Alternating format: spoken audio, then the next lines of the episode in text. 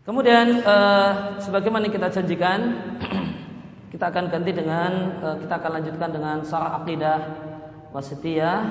Ya, akidah wasitiyah adalah uh, matan akidah tulisan Syekhul Islam Al-Imam Al-Alamah Ahmad Ibn Abdul Halim Ibn Abdul Salam Ibn Taimiyah rahimallahu taala. Dan sarahnya yang akan kita pakai adalah karya Saleh bin Fauzan Ibn Abdullah Al-Fauzan. Kalau cetakan yang saya pakai yang uh, yang saya baca adalah uh, Darul Muayyid Madinah uh, atau Darul Muayyid Riyadh.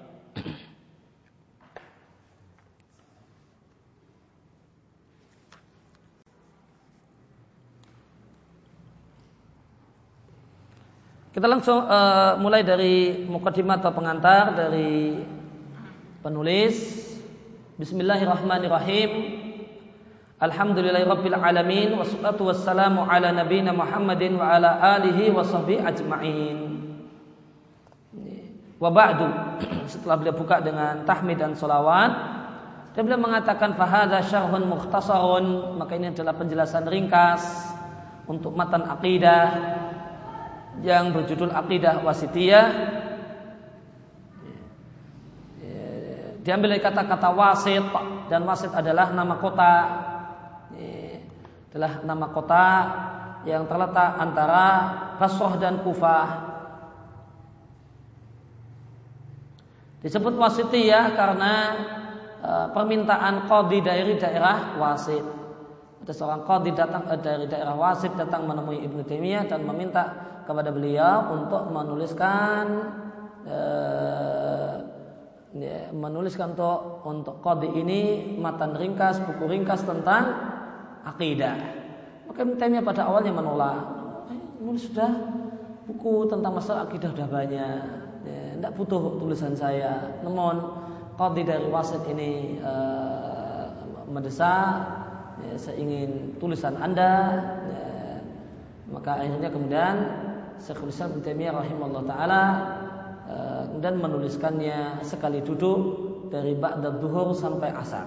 Eh, dan eh, dalam satu majelis sekali duduk beliau tuliskan matan akidah wasitiyah ini dari ba'da duhur sampai asar.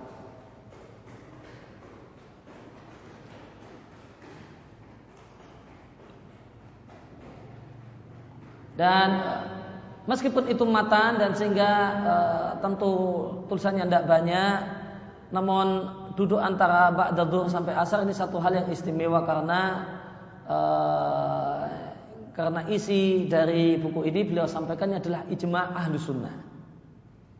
E, adalah akidah yang menjadi ijma dan kesepakatan ahlu sunnah dan ini e, untuk membuat satu kalimat itu, itu harus ngecek. Sekian banyak buku oh ini ijma oh kemudian bikin tulisan oh ini ijma dan seterusnya ya, maka ya, jangan kemudian ah itu kan matan wajar ya. Ya, yang hebat ya, yang istimewa ya, adalah karena ini adalah kumpulan ijma ijma ahlu sunnah dalam masalah akidah ya, sehingga ini uh, ditulis oleh orang lain ya, butuh waktu berbulan-bulan ya, untuk kemudian mengumpulkan ijma-ijma ahlu sunnah dalam masalah akidah. Namun untuk uh, namun beliau tulis cukup sekali duduk dari ba'da duhur sampai asar. Di Syekhul Islam Ibn Taimiyah karya Syekhul Islam Ibn Taimiyah dan aku uh, aku jelaskan aku sarah buku ini diidadi dengan menyiapkannya dari sejumlah referensi. Beliau menulis, Saleh Fauzan menulis buku ini dengan menggunakan empat referensi.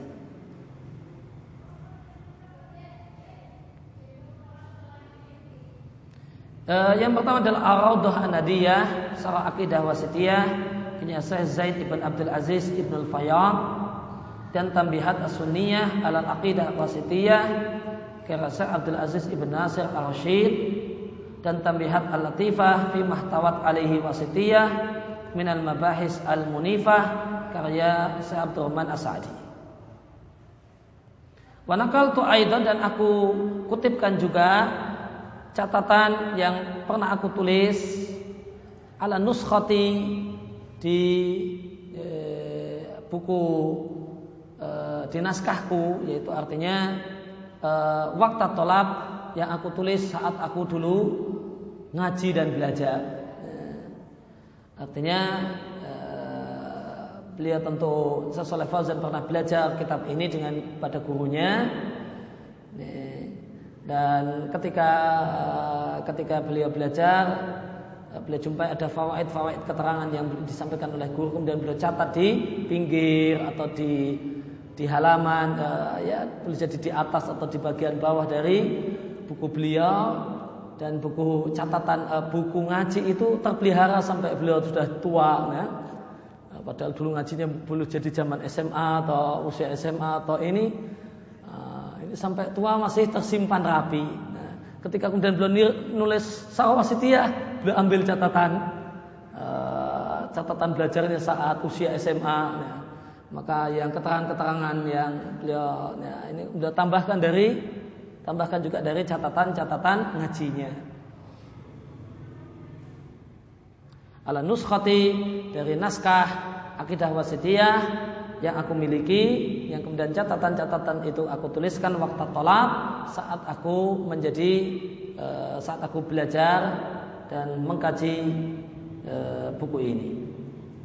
Kemudian yang keempat untuk berkaitan dengan tafsir ayat aku kutip dari buku-buku tafsir semacam Fathul Qadir karya Syaukani, tafsir Quranil Azim karya Ibnu Katsir. Wa as'alullaha ayan fa'abihi dan aku mohon pada Allah agar Allah memberikan manfaat dengan buku ini dan wa yaj'alahu dan menjadikan buku ini muadian lil matlub, mewujudkan apa yang diharapkan. Apa yang diharapkan taudih semakin memperjelas ya, buku akidah yang hadil akidah azimah, akidah yang sangat agung ini. Wa yaghfirli dan semoga Allah mengampuni untukku apa yang Eh, waqa'a minni min khata'in kesalahan yang aku lakukan dan berikan pahala untukku alama fihi min suwabin kebenaran yang ada dalam buku ini. Innahu sami'un mujib. Dia adalah zat yang maha mendengar dan maha mengabulkan permohonan. Wasallallahu wasallallahu ala nabiyina Muhammadin wa alihi wa sahbihi. Walhamdulillahi rabbil alamin. Al muallif maka buku ini adalah uh, karya Sasal Al Fauzan dan ini adalah dari tulisan. Bukan transkrip uh, transkrip pelajaran sebagaimana umumnya buku-buku beliau saat ini atau yang baru-baru. kalau ini beliau tulis dengan memang sengaja beliau tulis dan secara umum buku yang ditulis sebagai memang niat asalnya adalah untuk menulis itu lebih berkualitas.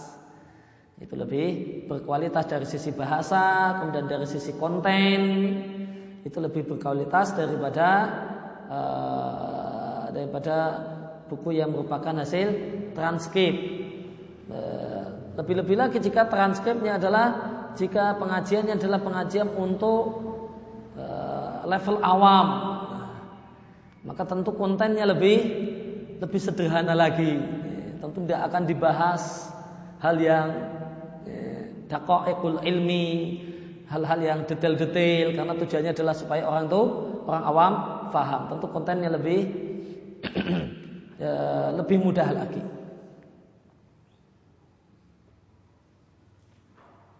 Dan di antara ya, tadi buku jadi referensi beliau tadi ada ada tambiat as-sunniyah, tambiat sunni saniyah al aqidah wasitiyah karya uh, Abdul Aziz Ar-Rasyid dan perlu diketahui banyak Masyayikh menyebutkan bahasanya ini adalah sahwa wasitiyah yang paling bagus. Ya. Banyak masyayikh yang menyebutkan kalau ini adalah sarah wasitiyah yang paling bagus adalah tambihat saniyah ala aqidah wasitiyah karya Syekh Abdul Aziz Ar-Rasyid.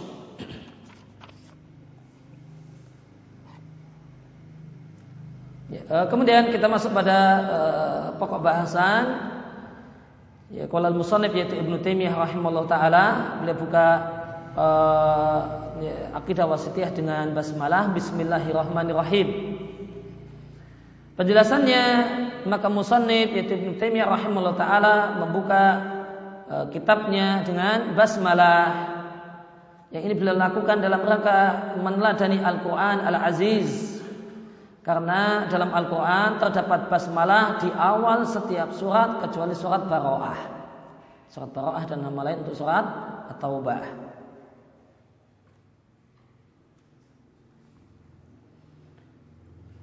Demikian juga dalam rangka meladani Nabi Shallallahu Alaihi Wasallam karena Nabi ini membuka dengan dengan bacaan basmalah di setiap mukatabatihi surat-surat beliau.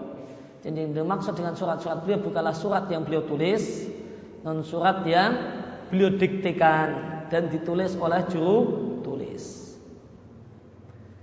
Berkaitan dengan mengapa di surat Baroah itu tidak ada basmalah, maka ada sejumlah penjelasan, ada yang mengatakan ini adalah kompromi berkaitan dengan perselisihan para sahabat.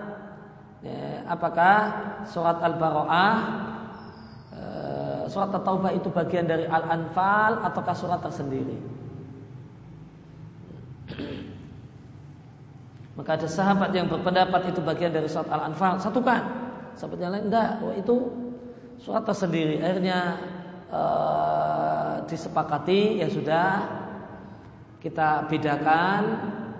Namun uh, surat at-taubah tanpa basmalah. Untuk mengisyaratkan adanya perselisihan.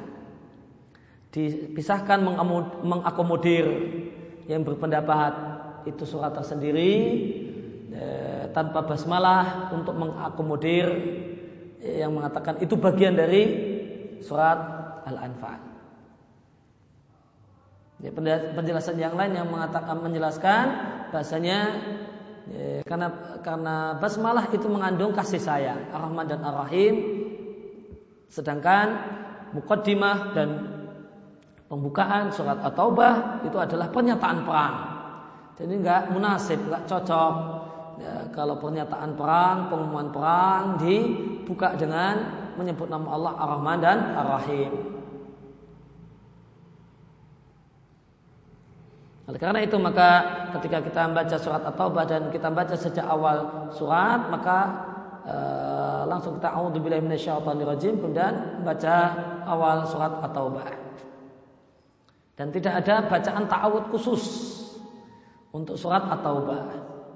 Ya, sebagian orang meyakini ada bacaan ta'awud khusus untuk awal surat At-Taubah dan ini tercantum di mushaf-mushaf Indonesia terbitan uh, masa silam. Ya.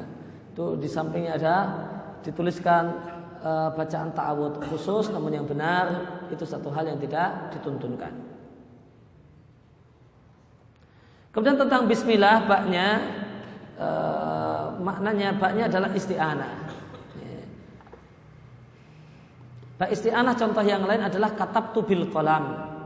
Katab tu bil kolam. Aku menulis dengan minta bantuan pena.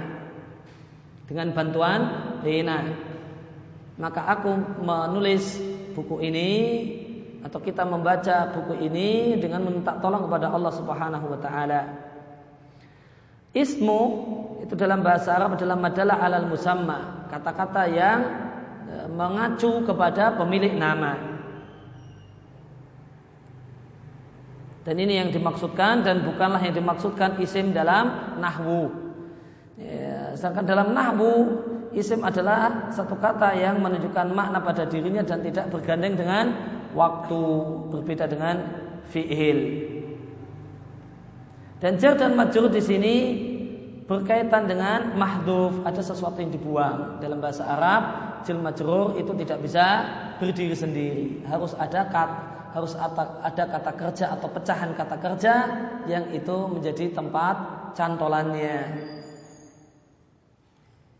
Dan sepatutnya e, kata yang hilang itu kita takdirkan diletakkan di belakang supaya memberikan makna hasar, memberikan makna hanya. E, dan yang yang terbaik e, ada perselisihan apakah itu mukodarnya isim atau fi'il yang terbaik adalah e, kita takdirkan dengan fi'il. Sehingga maknanya adalah bismillahi e, katabtu. Atau bismillah karena kita membaca bismillahirrahmanirrahim akra'u. Sehingga dan ini menghasilkan makna hanya. Hanya dengan minta bantuan kepada Allah aku memulai aktivitas membaca buku ini. Tentang Allah maka Allah adalah alamun ala zat al muqaddasah dia adalah satu nama untuk zat yang suci dan Allah adalah nama yang mengandung makna karena yang namanya nama itu ada yang mengandung makna dan ada yang tidak mengandung makna Nah, pogung itu artinya apa? Nah, kita tidak tahu artinya ya berarti nama ya, ya sudah terima jadi namanya seperti itu. Nggak tahu apa maknanya. Sedangkan Allah adalah nama yang memiliki makna yaitu dzul uluhiyah wal ubudiyah ala khalqihi ajma'in. Dia adalah artinya zat yang punya hak untuk mendapatkan ibadah dari makhluknya seluruhnya. Dan menurut pendapat yang paling kuat Allah adalah isim mustaq. Ya, diambil dari kata-kata alaha uh, ya'lahu uluhatan uh, atau atau uliha yu'lahu sehingga maknanya ubida wa yu'badu disembah sehingga fallahu maka Allah itu adalah ilahun kalau kita hilangkan alnya maka dia adalah ilahun namun ilahun bermakna makluhin. Makluhin artinya ma'budin. Zat yang disembah. Ar-Rahman Ar-Rahim adalah dua nama yang mulia dari nama-nama dari Asmaul Husna nama-nama Allah yang indah. Yang kedua nama ini menunjukkan bahasanya di antara sifat Allah adalah rahmah. Di antara sifat Allah adalah kasih sayang. Maka kita imani kalau Allah memiliki sifat kasih sayang, alama yaliku bijalalihi.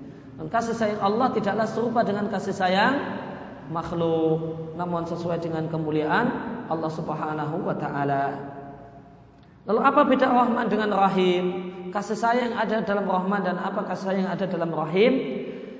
Ya, maka terdapat banyak pendapat ulama dalam masalah ini dan pendapat yang beliau pilih adalah Rahman itu artinya Allah adalah zat yang memiliki rahmat yang bersifat umum berlaku untuk semua makhluk sedangkan Rahim adalah Allah memiliki rahmat yang bersifat khusus hanya ditujukan untuk orang-orang yang beriman semata sebagaimana firman Allah taala wa kana bil mu'minina rahima dan dia adalah zat yang rahim dengan orang-orang yang beriman. Sehingga penjelasan uh, eh, dan ada pendapat, ada penjelasan yang lain. Ya, dan ini adalah penjelasan yang dipilih oleh Ibnul Qayyim dan dirajikan oleh Ibnu Thaimin di banyak tempat semisal di Sarah uh, Usus Salatah dan di tempat-tempat yang lain. Ya, kalau Ibnul Qayyim Rahman itu adalah rahmat sebagai sifat Allah. Sedangkan rahim adalah rahmat sebagai perbuatan Allah Subhanahu wa taala. Maka rahman alasannya karena dia mengikuti wazan fa'lan yang mengandung makna penuh. Sebagaimana khutban sangat marah, jauhan sangat lapar. Maka menunjukkan makna penuh. Sehingga yang diinginkan dari kata-kata Ar-Rahman itu adalah e, pesan untuk mengatakan bahasanya Allah adalah zat yang sangat-sangat besar kasih sayangnya. Rahman sebagai sifat Allah Subhanahu wa taala, sifat yang ada pada zat Allah Subhanahu wa taala. Kemudian sedangkan Ar-Rahim itu adalah kasih sayang Allah sebagai perbuatan. Oleh karena itu ketika Allah mau menyayangi seseorang, itu kalimatnya mesti rahim. Contohnya di sini wakana bil mukminina rahimah. Ketika Allah mau menegaskan Allah sayang dengan seseorang.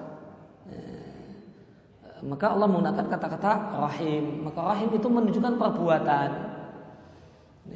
Yaitu eh, mau menyampaikan, memberikan pesan bahwasanya Allah itu menyayangi semua orang yang berhak untuk disayangi. Maka rahim itu artinya adalah zat yang menyayangi semua orang yang berhak untuk disayangi. Rahman itu kalau mau diterjemahkan pakai Ibnul Qayyim, pakai pendapatnya Ibnul Qayyim, eh, Bismillahirrahmanirrahim itu terjemahnya Bismillah dengan nama Allah dan Allah itu adalah Ar-Rahman, zat yang sangat luas, sangat besar kasih sayangnya, Ar-Rahim dan dia adalah zat yang menyayangi eh, makhluk-makhluknya yang berhak untuk disayangi. Sedangkan kalau pakai pendapat yang dipilih oleh Syekh Fauzan, maka Bismillahirrahmanirrahim terjemahnya dengan nama Allah dan dia adalah Ar-Rahman, zat yang menyayangi semua makhluk, Ar-Rahim dan zat yang menyayangi ya, orang-orang ya, yang uh, makhluknya yang beriman saja. Meskipun demikian, uh, ya, tidaklah di, tidaklah kita ingkari bahasanya rahmat Allah itu ada dua macam, ada rahmat yang bersifat umum dan ada rahmat yang bersifat khusus. Ada rahmat rahmatullah yang amah bersifat umum dan ada rahmat Allah yang bersifat khusus. Rahmat Allah Subhanahu wa taala yang bersifat umum, Allah ini kemudian wujudnya adalah Allah memberikan nikmat kepada semua makhluk. Dengan semua nikmat yang dalam bahasa Ibnu Qayyim disebut nikmat muqayyadah nikmat-nikmat duniawi, dikasih sehat, dikasih harta, e, diberi keturunan dan seterusnya. Itu disebut e, rahmah al-muqayyadah. Ya, rahmah e, an-nikmah al-muqayyadah, nikmat yang terbatas hanya di dunia. Fungsi dan manfaatnya. Maka rahmat Allah Subhanahu wa taala yang bersifat umum itu akan berdampak berupa nikmat al-muqayyadah nikmat yang bersifat terbatas hanya dirasakan di dunia. Sehat, bisa bernapas, eh, oksigen gratis dan seterusnya. Adapun rahmat Allah Subhanahu wa taala yang bersifat khasah yang khusus untuk orang-orang yang beriman akan berbuah nikmat al-mutlaqah. Nikmat yang tidak terikat, manfaatnya tidak terikat dengan dunia. Namun manfaatnya itu di dunia dan di akhirat.